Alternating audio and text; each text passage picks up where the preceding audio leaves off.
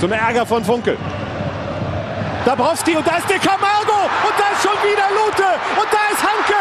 De Camargo, Tor! Gladbach 1-0. Und was jetzt los ist, das ist ja unfassbar. Der Borussia Park flippt aus auf den Rennen auf den Rasen. Hei, og hjertelig velkommen til episode to av Gladbach-podden. Mitt navn er Einar H. Dyvik, og i dag så skal vi snakke om eh, sesongstarten til klubben og Champions League-gruppene som ble trukket i forrige uke. Jeg har i dag med meg Markus Agøy Sand fra Oslo. Velkommen til deg. Takk, takk. Hvordan er livet i eh, Oslo for tida? Er det et uh, regnfullt eh, høst-Oslo, eller er det sol og flotte høstfarger på trærne? Nei, For en gangs skyld så tror jeg at kanskje at eh, vestlendingene har eh, klart å ta sola fra oss. For det er ganske grått der, altså. Det har vært, eh, vært regn i dag, så det er kjedelige saker. Ja, det er fint vær i Stavanger, så jeg kan, kan skrive under på den påstanden. Velkommen òg til Gard Kjeldrup. Hvordan er livet i Bergen for øyeblikket? Nei, det er ganske greit her òg. Vi har òg hatt ganske fint vær. Eh, overraskende varmt. Jeg har gått i T-skjorte ute hele helga. Og det begynte å regne i kveld, da. Men eh, det har vært fint et par dager, så det er veldig uvanlig for oktober. Så litt sånn Jeg i Bergen. Ja. Så eh, det hører jo med å ha litt regn i Bergen òg. Ja, det er det. Men uh, nå har vi sett uh, Gladberg i uh, tre kamper. Et surt 3-0-tap mot Erling Braut Haaland og Borussia Dortmund. Og så en eh, litt skuffende 1-1-kamp mot Union Berlin. Og så dette herlige derbyet nå på lørdag, hvor en eh, knuste Köln 3-1. Hvilket inntrykk sitter dere igjen med etter å ha sett eh, Gladbach de tre eh, første kampene? Eh, hva syns du, Grant? Nei, det er irriterende, da, for vi begynte jo Altså, den kampen mot Dortmund er jo ikke en 3-0-kamp. Det en heller De vant jo fortjent, men 3-0 gjenspeiler jo ikke hvordan vi spilte og hvordan kampen forløp seg. Så en sånn 2-1 eller 2-0 hadde vært eh, mer rettferdig hermetegn, hvis du kan snakke om det. Og, eh, og særlig òg når vi spiller uavgjort mot Union etterpå, der vi òg spilte dårlig. Sånn, I sum så skulle vi hatt tre poeng av en av de to kampene, og så blir det ett. Jeg, jeg er veldig enig med deg. Jeg syns, eh, jeg syns den Dortmund-kampen var Der spilte man veldig lovende. Selv om eh, resultatet ble litt styggere enn hva, det, hva man hadde fortjent. Jeg er også helt enig. At, det er, eh, at ja, 3-0, det var ikke det kampbildet viser. da, Hvis man så på kampen, så var det også en, en straffe, eller to straffesituasjoner eh, inni der hvor Dortmund fikk da en straffe og Gladbach ikke fikk straffe i tilsvarende situasjon. Så det kunne like gjerne vært Ja, jeg har skrevet opp 1-0 eller 2-1, eh, noe rundt der. Jeg er helt enig, Gard, at Dortmund fortjente seieren, men ja, 3-0 er, er ikke riktig, da. Nei. Jeg, er- jeg er veldig enig med dere. Og som du nevner, Gard, sånn som hørte mot Union, så spilte en jo veldig dårlig, og det var for så vidt ikke ufortjent at en kun fikk ett poeng. Og så tar en tak igjen da mot Køllen, og der går det i 100 full fart fra start og får to kjappe skåringer, og da er kampen egentlig avgjort etter eh, før kvarteret er spilt. da. Mm. Ja. Ja, de, Deilig. de første 20-25 minuttene i den Köln-kampen, det er sånn fotball som Gladbach skal spille. Det er, det er sånn jeg drømmer om at Gladbach spiller. Det var jo raskt og underholdende og presise, trygge, harde pasninger. Eh, Masse liksom selvtillit, da. Masse sjanser, og målene også. Jeg vet ikke om dere fikk sett alle målene, men de var jo helt fantastiske. En vending av Plea med et bikkjehardt skudd. Og altså Stefan Leiner som liksom løper med ryggen mot mål, mot en corner og utafor femmeteren med ryggen mot keeper, header inn på skarp vinkel. Det er jo kjempefine mål. Ja, det er riktig. Det jeg også likte med det målet til Plea, det var at han fikk han det så ut som han fikk han bak seg, og at sjansen var litt sånn skusla vekk, men så vender han opp og bare banker han inn. Det var, det var herlig å se.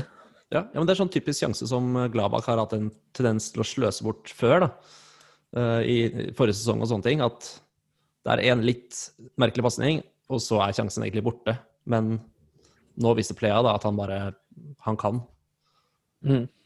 Det, Det, jeg tror det òg Nei, unnskyld. Det minte veldig om, eh, om det, målet, det andre målet til Lewandowski i den crazy kampen mot Hertha Berlin eh, på søndag. Som var en en Mm. vending, bare at Plea var kanskje, kanskje enda litt vanskeligere vending for han. Jeg, eh, det jeg tror jeg er viktig å huske på, er at uh, Plea og Turam kommer jo nettopp tilbake fra skade. og Ingen av de starta jo mot Dortmund. Mm. Og Embolo har vært ute med skade, kom så vidt inn mot Køllen. Zakari har ikke kommet tilbake ennå, så han er fortsatt eh, Disse kampene har vært med et litt sånn redusert lag, da. Og likevel så har en, med inntak av eh, deler av Union-kampen, så har en gjort en eh, god figur. Mm. Mm. Absolutt. Ja, så kan vi også si den eh, Jeg klagde litt i stad over at vi ikke fikk straffe i Dortmund, eller at de fikk avgjørelsen for, og vi fikk imot.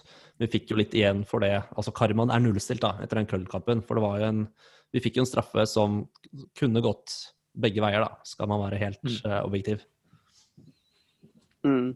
Den var det jo kaptein uh, Captain Re Reliable Stindl som satte relativt lett.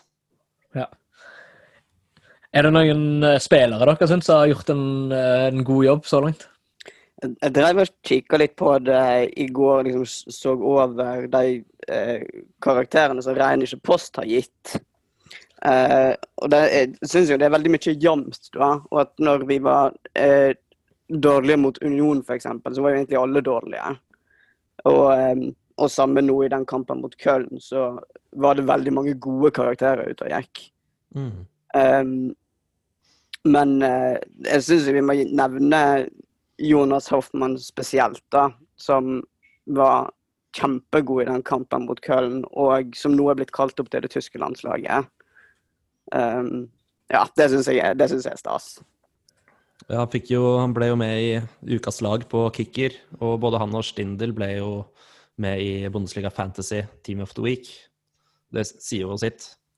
Mm. Jeg syns også det vi så, det korte vi så av Embolo eh, mot Köln, hans første, første spillminutt si, i denne sesongen, var veldig, veldig bra. At han eh, har masse initiativ og lyst, og han er en kreativ type, da. Så han har jeg trua på. Ja, han satte full fart i angrepet, og da var det farligheter med en gang. Mm. Det, det blir bra når han er tilbake igjen for fullt. Da syns jeg også at eh, Ginter eh, har vært veldig stødig, selv om vi har sluppet inn fire, ja, fem mål da, totalt. Han hadde bl.a. en redning på streken mot Tortemund som var uh, imponerende. Og, Veldig enig. Og Liner. Han har, har Ja. jeg hatt sansen for helt siden han kom, egentlig.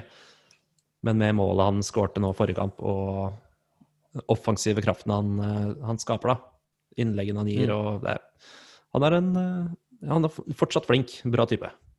Jeg synes, eh, jeg veldig enig med deg angående Ginter, og jeg syns han eh, begynner å etablere seg som en av eh, ligaens beste stoppere, eh, sannsynligvis. Mm. Og den plassen på landslaget den burde etter hvert være soleklar. Og så håper jeg jo at han signerer ny kontrakt snart, fordi den går ut etter den sesongen her. Ja, han har vel sagt at han er veldig interessert i å bli, om jeg ikke husker helt feil. Så Mm. vi får håpe på det beste. Og han er for øvrig også rangert som verdensklassespiller av, av kicker, da, etter forrige sesong. Mm. Så det er veldig kult. Ja.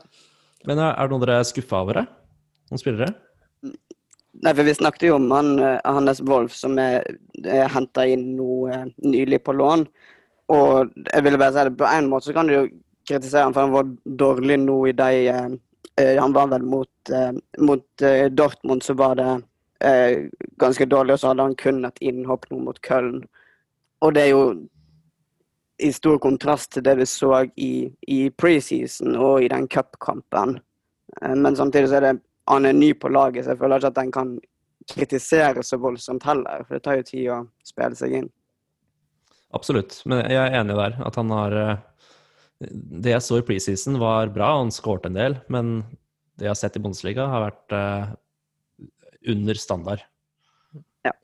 Det er det jeg syns er litt rart, fordi han, han så såpass lovende ut i preseason, og så har han vært veldig svak når han har kommet inn i eh, de kampene han har spilt. Det, det syns jeg er litt rart. og Litt, eh, litt urovekkende. Mm. Ja. Det er kanskje en liten brannfakkel her nå, men eh, jeg syns også at Sommer har sett litt sketchy ut. Han har hatt eh, et par glipper og har jo ikke klart å holde nullen i noen kamper ennå. Han var jo en av de desidert, eller har vært en av de desidert beste keeperne i Bundesliga de siste sesongene. Vært oppe og kjempa med Neuer og styr. Så han har jo en tendens til å slippe inn mål eh, og hatt litt uflaks med clean sheets, men jeg er litt usikker, altså. Han, eh, han må hevde seg. Jeg tror jeg er litt enig. Jeg synes nå Gladbach har Gladbach begynt å blitt veldig glad i å spille seg ut bakfra nå under Marco Rose. Og um, de glipper av og til litt i uh, pasningsspillet til sommer. Han hadde jo en uh, Det var delvis Kramer sin skyld òg, men nå mot Køllen så holdt den på å rote det bort på Det var vel på 1-0 fortsatt, hvor Køllen skøyt i stanger. Yes, redda av stolpa. Ja, men jeg, er, jeg er enig i den eh, eh, om sommer òg. Altså, han kunne vel holdt den der eh, det 3-1-målet til Köln òg. Ja, men den var, den var hard, altså. Ja, ok. Men, eh, men ja, en litt høyere keeper ville kanskje tatt den. Han er jo ganske lav Ja. Til keeper å være. til keeper å være. Høyere enn meg. Men uh, han hadde jo en sånn mot uh, Bayern i uh, fjor òg, eller forrige sesong, hvor han uh, ga, bort, uh, ga bort ballen og Bayern gikk opp i 1-0. Det stemmer. Men vi må også si at han hadde en redning mot Bayern eh, forrige sesong, med bokstavelig talt fingertuppen sin. Ja. Så jeg føler at han har eh, de, Den er i null nå. Der har han betalt regnskapet. Jeg håper lytterne har fått sett denne her, hvor han eh, først glipper ballen, egentlig, og så kaster han seg rundt og drar ballen ut av eh, målet før han er Det er snakk om millimeter før han er inne, men eh, han klarer akkurat å redde den. Ja, altså Om du ikke har sett den, Ja. så, så søk opp uh, highlights fra i fjor og se Gladbach Bayern-kampene. Det er to av dem. Eh, husker ikke hvilken det var, men den redninga Det helt... den, eh, det var den man vant i desember. Nemlig. Der Ja. hvor Benzebaini uh, setter straffespark mot uh, Neuer helt på slutten. Ja. Som for øvrig òg er jinglen vår helt på slutten. Yes. Oh. Altså, det var en helt nydelig kamp. Altså, jeg hørte det på radioen. Jeg var på vei til bussen. Jeg dansa på vei til bussen, for jeg var så glad. Det var så intenst. Jeg tror jeg var på en sportsprøve her i Oslo jeg, og så den kampen med Altså som eneste Gladbach-supporter blant fire-fem Bayern-supportere. Og jeg klarte ikke å ikke erte de. Eh, Det ble, ikke, det ble ikke veldig dårlig stemning, men det ble litt dårlig stemning. Ja, men det, er bra. Det må, var- det, det var det gjelder å jekke ned Bayern-supporterne når, man, eh, Ja, det gjør det. når man slår dem. Ja, det er viktig. Men uh, vi kan gå videre til Champions League-trekningen. Gladbach er trukket i gruppa med Real Madrid, Sjakta Donetsk og Inter Milan. Hva er det første dere tenker når dere ser den gruppa her, uh, Gard? Oi, det er jo det der eh, som har gått igjen, at det er veldig internasjonal klasse over det. Og veldig eh, historisk òg for Gladbar. Jeg må bare nevne det når vi først er inne på det. For jeg ble gående og liksom smake på den der gruppa. Det bare eh, Real, Sjakter, Inter Og liksom ble gående og spinne i hodet. altså. Det var noe kjent med det. Altså. Ja, Real Madrid, Inter Mailand. Og så stussa jeg for at jeg sa Mailand, og så tenkte jeg det på tysk. Og så kom jeg på at Ehm, grunnen til at jeg tenkte det på tysk, det er fordi at i den ene fansangen til Gladbar så heter Es gibt nur eine Borussia, at det fins bare ett Borussia. Så går de veldig sånn historisk til verks i, i sangteksten, da, og så synger de eh, Unvergessene Spiele gegen Mailand oder Real Madrid. Um, immer underdog und doch ganz groß. Altså eh, uforglemmelige spill eh, mot eh, eh, Milan eller Real Madrid. Og alltid underdog, men eh, likevel ganske stor. Og eh, det sier litt om hvor, hvor, hvor godt de sitter, de, de kampene og de øyeblikkene vi har hatt mot de to klubbene. da. Så det er veldig stas å få dem i samme gruppe plutselig. Det blir årets sang eh, i år igjen, det. Ja, absolutt. Vi er jo på en måte underdogs. Ja, det har vi vel egentlig. Det er vel typisk Gladbach å alltid være uh, underdog òg. For det er vel uh, hele greia i den sangen òg, selv om vi har, har de titlene vi har, da. Så ja, har vi Mm. vært underdog hele veien. Vi, kan, vi har fått inn et spørsmål på eh, Twitter fra Erik Utheim, som eh, lurer på hva som er den naturlige målsetningen i Champions League, og hvor modig vil Marco Rose være i bortekampene. Hva tror du om det, Markus? Eh, Nei, Marco Rosa er jo en modig fyr, da. Han, han kjører jo på med press og sjanseskapning konstant. Han vil jo ja, Altså, Real Madrid, Inter og Shakhtar de, de vil ikke få noe gratis selv om de spiller hjemme. Så mye er jeg ganske sikker på. Men jeg syns det er vanskelig med det, hvor mange poeng man skal sikte seg inn på, altså. Jeg tror jo at jeg, jeg, jeg er jo en eh, optimist, da. Men jeg tenker å sikte seg inn på andre- eller tredjeplass, jeg. Jeg tror Sjaktar skal gå. Der kan vi kanskje få en borteseier også. Eh, så kan vi jo Altså, vi spilte uavgjort med, mot Juventus eh, første Altså 15-16-sesongen, var det kanskje. To kamper uavgjort mot Juventus. Vi skal klare uavgjort mot Inter og eller Real. Og så må vi jo regne med noen tap. Men eh, jeg, jeg tror det finnes sjanse for å, å komme seg videre. Kanskje veldig optimist. Jeg vet ikke. Hva syns dere? Litt optimistisk, kanskje. Jeg, jeg er i hvert fall ikke like optimist. Hva tenker du da? Uh, nei, jeg tenker at vi um, sannsynligvis kommer til å tape halvparten av kampene. Det er det jeg har tippa sånn for meg sjøl, i alle fall. Og at uh, vi heller i hvert fall må sikte oss mot uavgjort uh, mot uh, Inter og Real hvis vi skal Eller det er det vi kan håpe på, da. Og så tror jeg at vi kan være heldige å vinne én, maks to kamper.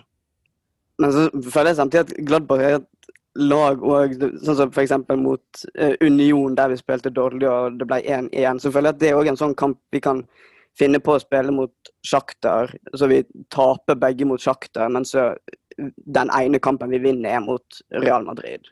Ja. Så det er litt sånn Jeg, jeg føler at vi er veldig um, uforutsigbare, da. Ja, absolutt. Jeg, jeg tror at Gladbach virkelig kan glimte til.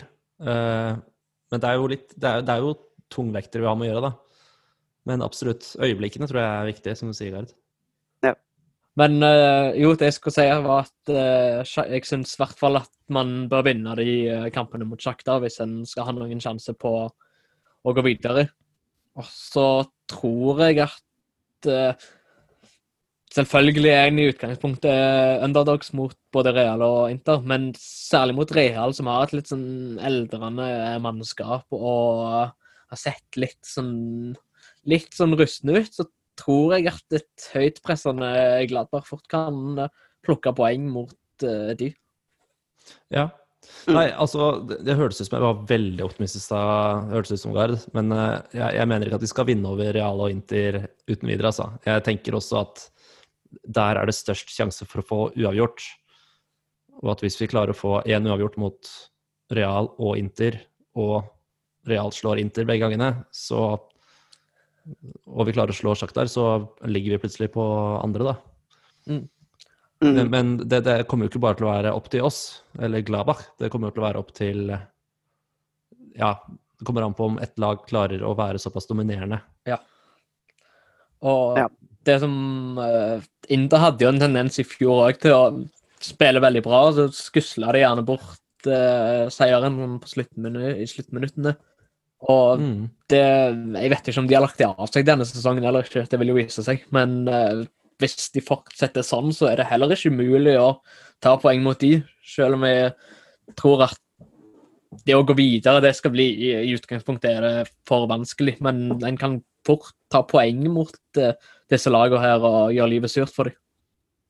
Ja. Uh, jo, um, de uh, de har jo henta bl.a. Akraf Hakimi, som var på lån i Dortmund i fjor. Og som eh, Og så har de jo eh, Romelu Lukaku, som er ja, en av Europas aller beste spisser. Så de kan Jeg tror Inter er tøffere motstand enn Real Madrid, sånn for øyeblikket, i hvert fall. Ja, jeg kan være litt enig.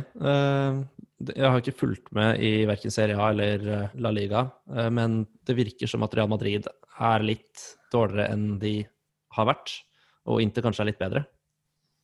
Mm. Det er jo òg en litt sånn misvisende nesten at Inter er i pott tre, for de er jo den aller beste i pott tre. Så um, jeg kan ikke se blind på at de er den nummer tre, for de er vel bedre enn det, egentlig. Helt riktig. Ja, absolutt. Vi skal, vi skal snakke Gå nærmere inn på disse lagene etter hvert som en som Gladbach skal spille mot dem. Og den første kampen er jo da mot uh, Inter den uh, 21. oktober. Og uh, Markus, du har sett litt mer på inn dette Inter-laget, og hva kan en forvente av de? Nei, det er jo Vi har vært litt inne på det, da. De har jo f.eks. Hakimi og, og, Lukaku, som du sa. Um, men jeg, jeg, har sett litt på de, og sett litt på Nei, ikke på statistikk, men på, på hva de har i troppen, og litt historie og sånn. Inter er jo jeg, jeg, har tenkt at de er gode, men ikke så mye bedre enn Gladbach. At de er litt sånn tilsvarende, kanskje, kanskje, litt over. Men så så jeg på markedsverdien av lagene. Og er det noen som har lyst til å gjette hvor, hvor mye forskjell det er på markedsverdien av spillerne på lagene? Oi. 100 millioner euro, et fordel Inter. 100 millioner? Gard, har du et forslag?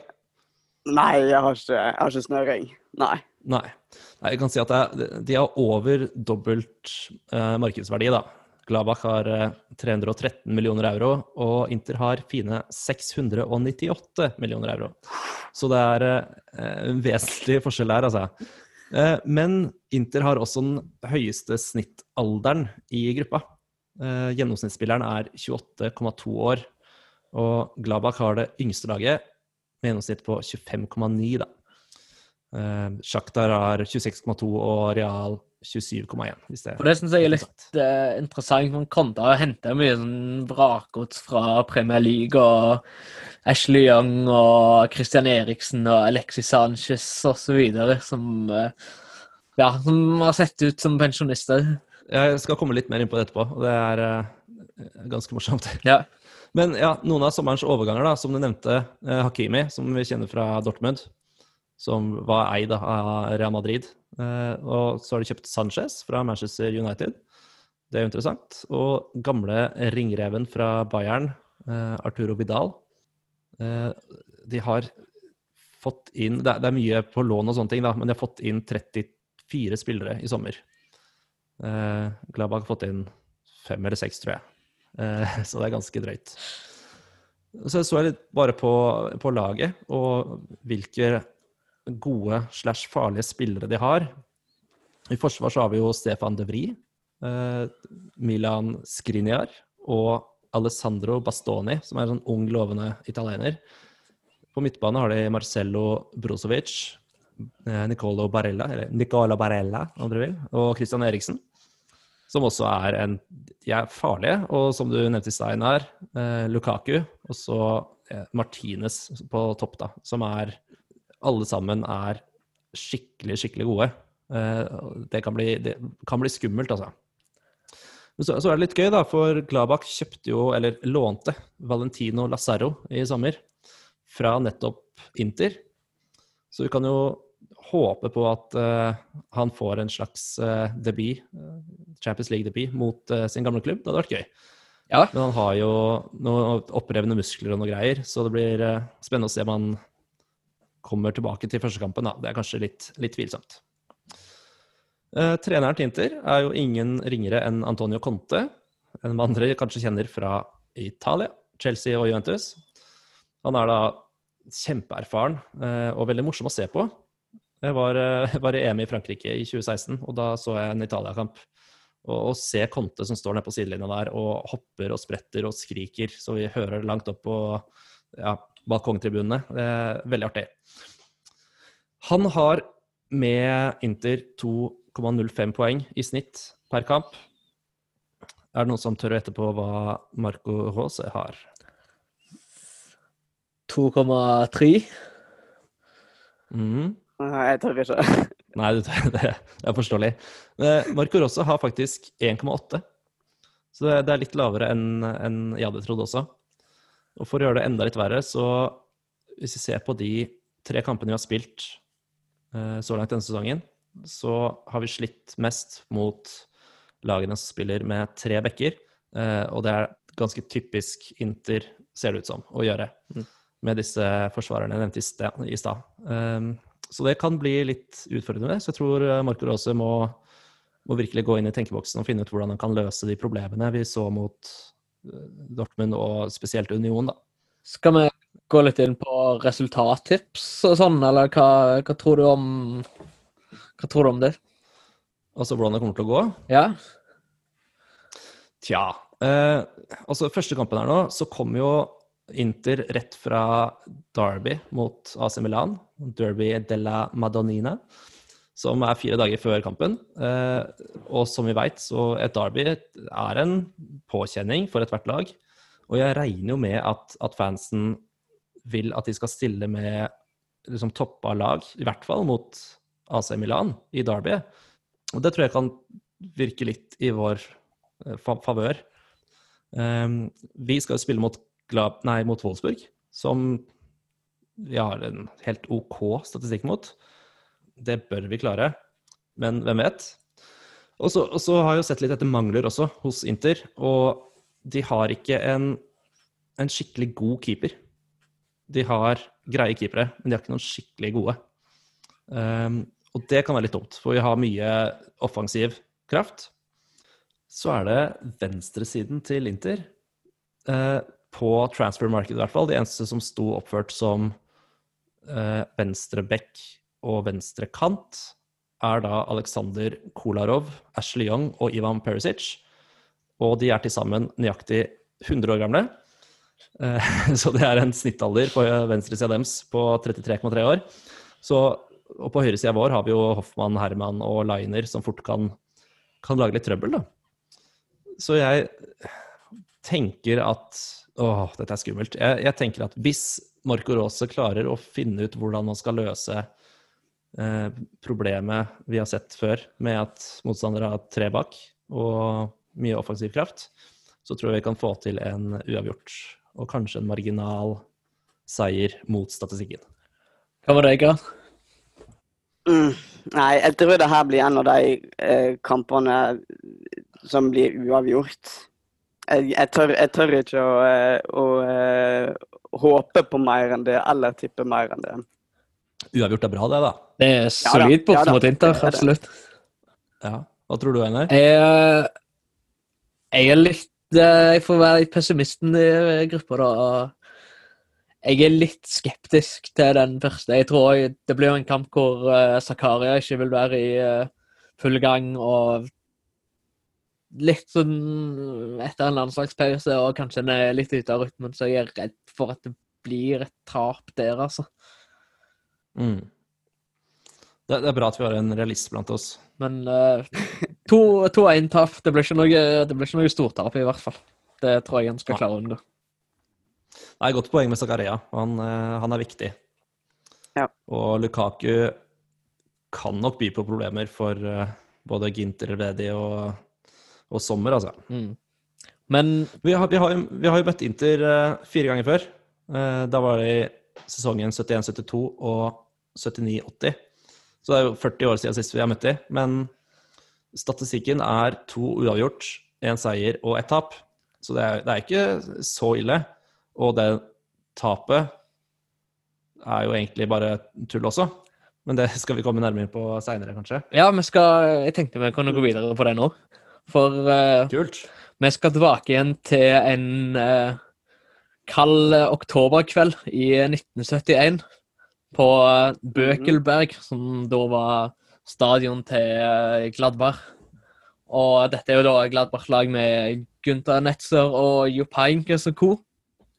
Og uh, dette er jo da en helt spesiell kamp, for uh, som Markus er inne på, så uh, um, Egentlig så vinner jo Gladbach mot Inter, men eh, kampen blir eh, rett og slett avbrutt og resultatet annullert. Og Gard, kan ikke du eh, ta oss gjennom denne helt spesielle kampen som kalles for Buxenwurf-spiel? Jo, det kan jeg. Eh, som du sa, vi skal tilbake nesten 50 år eh, til 71. Og det som da var starten på Gladbars i storhetstid på, på 70-tallet. Eh, for da var vi regjerende tysk mester for andre år på rad.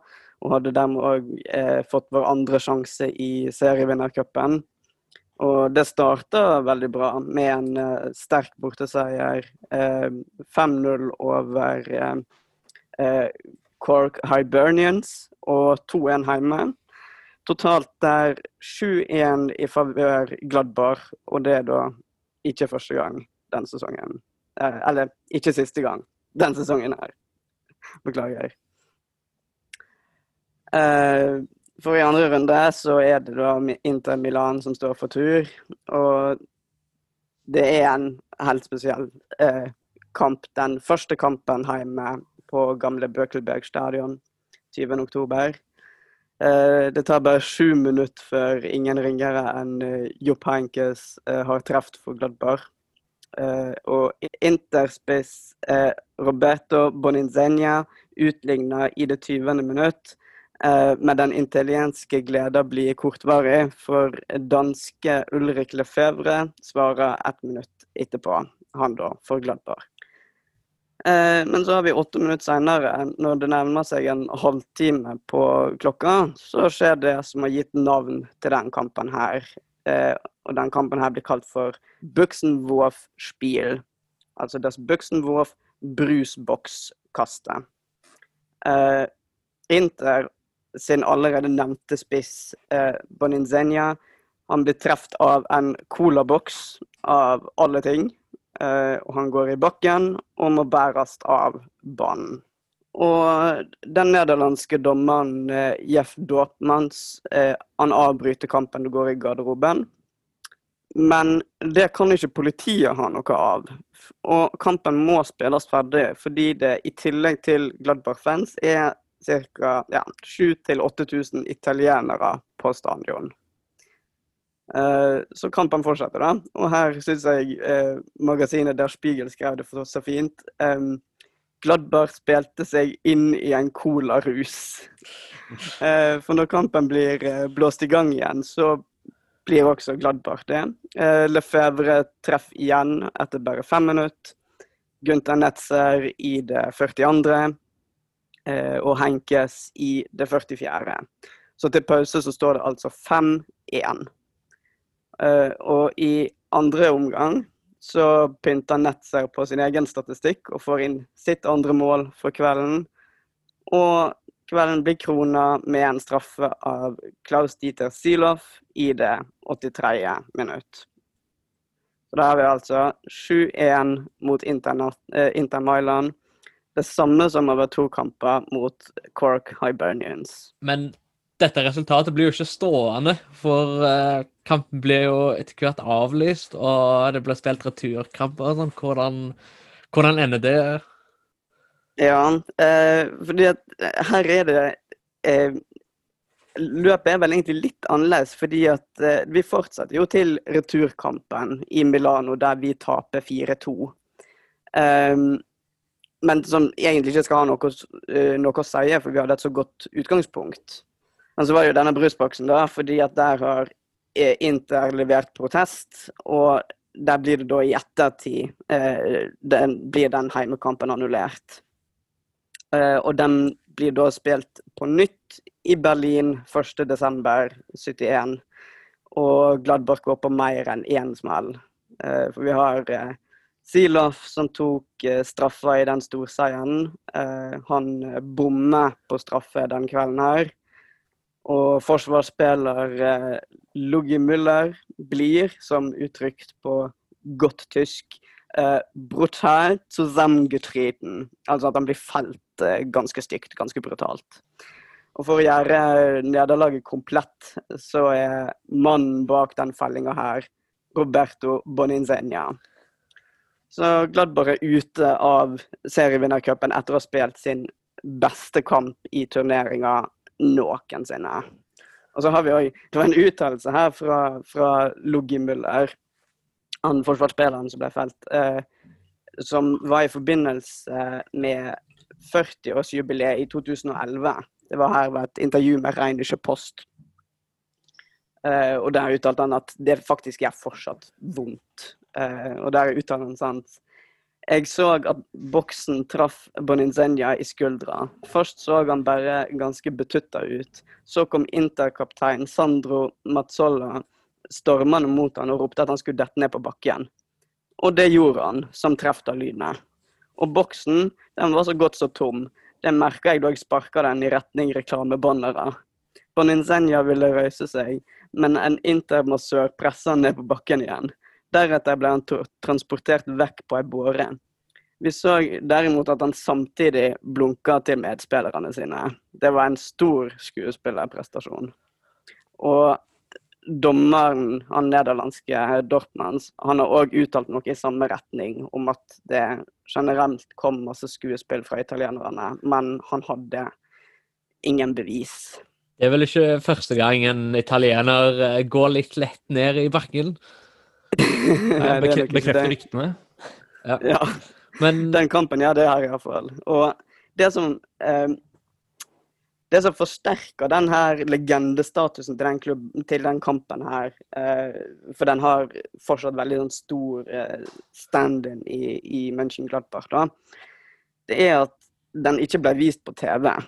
Eh, så vi skulle jo gjerne delt eh, noe fra den her på sosiale medier, men det fins ikke klipp fra den. Eh, og det er pga. at det var kontraktproblem mellom ARD, som er en av Tyskland sine to statskanaler, og sportsdirektøren til eh, Gladbach, eh, Helmut Grasshoff.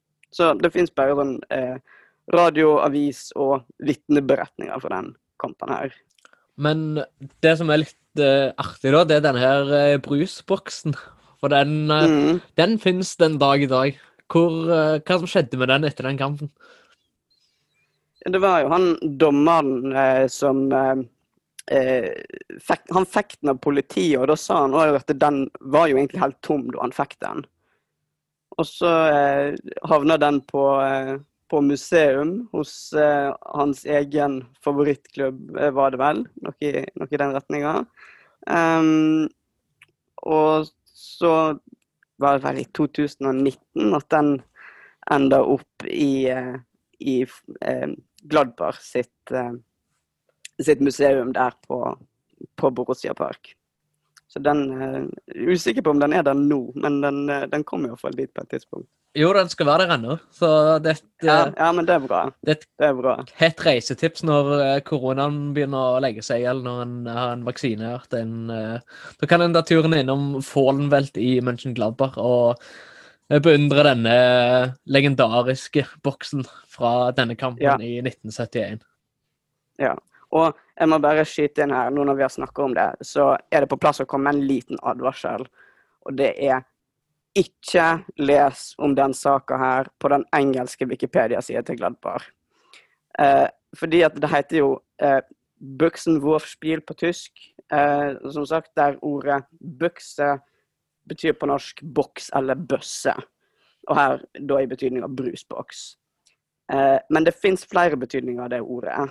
Eh, for hvis du tar ordet bøsse, så er jo veien ganske kort til ordet børse. Og det er tilfellet òg på tysk. Så hvis du f.eks.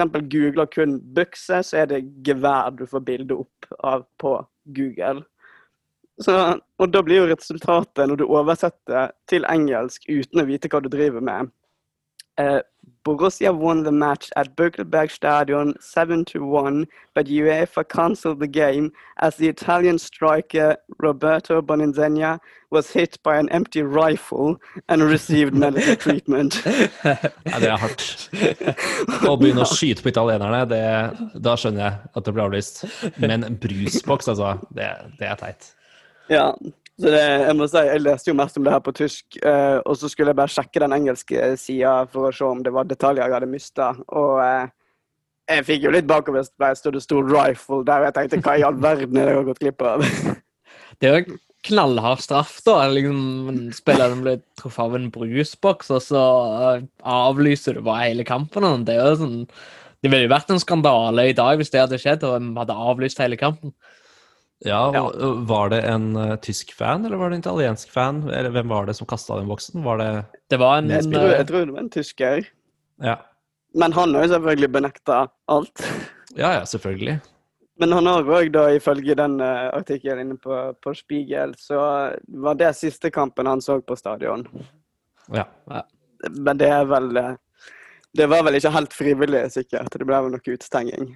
Ja, det er klart det skal jo ikke kastes eh, brusbokser på folk, enten de er fulle eller tomme, men eh, at den kampen likevel ble avlyst, det, det er en eh, skandale som må revansjeres i eh, år. Ja, absolutt. Jeg syns det. Men eh, vi må gå videre. Og eh, nå er det jo landslagspause, og så er det tilbake igjen om snaue to uker, hvor eh, Gladbach spiller mot Wolfsburg i uh, serien. Og så er det da denne kampen mot Inter. Og vi kan, vi kan ta denne her kampen mot Wolfsburg uh, kort før vi avrunder. Hva tenker dere om den, uh, Markus? Tror du du nevnte at dette burde være tre poeng i boks. Er det, er det um, så lett? Ja. Nei, det er ikke så lett. Men det blir i hvert fall mål. Det kan jeg være ganske sikker på. Det har ikke vært en målløs kamp mellom disse lagene siden første gang de møttes i 97-98. Og de fire siste kampene har det vært tre mål i hver kamp. Så det, det bør i hvert fall bli, eh, bli litt party. Jeg har jo selv vært på denne kampen eh, i 17-18, tror jeg, hvor Gladbach gruste Wolfsburg 3-0. og Kramer skåret et utrolig frekt frisparkmål uten at motstanderen var klare. Eh, han hadde gått opp til dommeren og spurt kan jeg skyte, så hadde dommeren sagt ja. Og altså, keeperen drev fremdeles og ropte til eh, muren og var ikke måte på, men han bare skjøt den i mål, da. Så det var greit. Ja. Men de fire siste kampene også, så har det vært to seire og to tap. Så det kan gå begge veier, men jeg tenker likevel at det, det bør være det bør være grei skuring. Ja, for det er det jeg ser på Wolfsburg når egentlig er Gladbach bedre enn Wolfsburg. Men det er sånn kinkige lag som kan spille veldig bra, som er veldig tøffe å møte. Og som du sier, så har han jo tapt Altså, det er to tap og to uh, seire mot de, de siste fire kampene. Så det, det kan gå eh, begge veier. Men i utgangspunktet så skal en vinne mot Wolfsburg, syns jeg. Ja, og de, siste, de tre kampene Wolfsburg har spilt i år, så har de tre uavgjort, og de har skåret ett mål, og de har sluppet inn ett mål. Uh, og det virker jo ikke veldig faretruende, men nå jinxer jeg det sikkert. Så vi, vi får se. Og de har vel Vi kan jo legge til at eh, de, eh, de kampene vi har tatt, de, tapt, de tror jeg var borte. Uh, Nei da. De, nå snakket jeg om de fire siste hjemmekampene. Ja, OK, ja, nettopp. Mm. Ja, jeg skjønner. Ja, men da kan vi, da kan vi stryke det. Nei, men det er fint å ha med det. ja, nei, for jeg bare vet at eh, Jeg tror vi har slitt en del mot Wolfsburg eh, borte òg, akkurat sånn som Freiburg borte. Jeg tror det er ganske Jeg tror det er en stund siden vi, eh, vi vant borte. Men det her er jo hjemme, da. Sist, sist gang vi vant borte i Wolfsburg, var i 2003-2004. Ja, ikke sant? Ja, nettopp. Men det er en stund siden. jeg mener at altså, Wolfsburg har De har spilt mot eh, Freiburg og Augsburg, altså etter Jeg tror det er Leverkosen. Og de har jo De spilte vel uavgjort mot Augsburg og uavgjort mot Freiburg, og det er ikke På papiret er jo ikke det veldig imponerende. Nei, så det er eh, Vi satser på tre poeng der.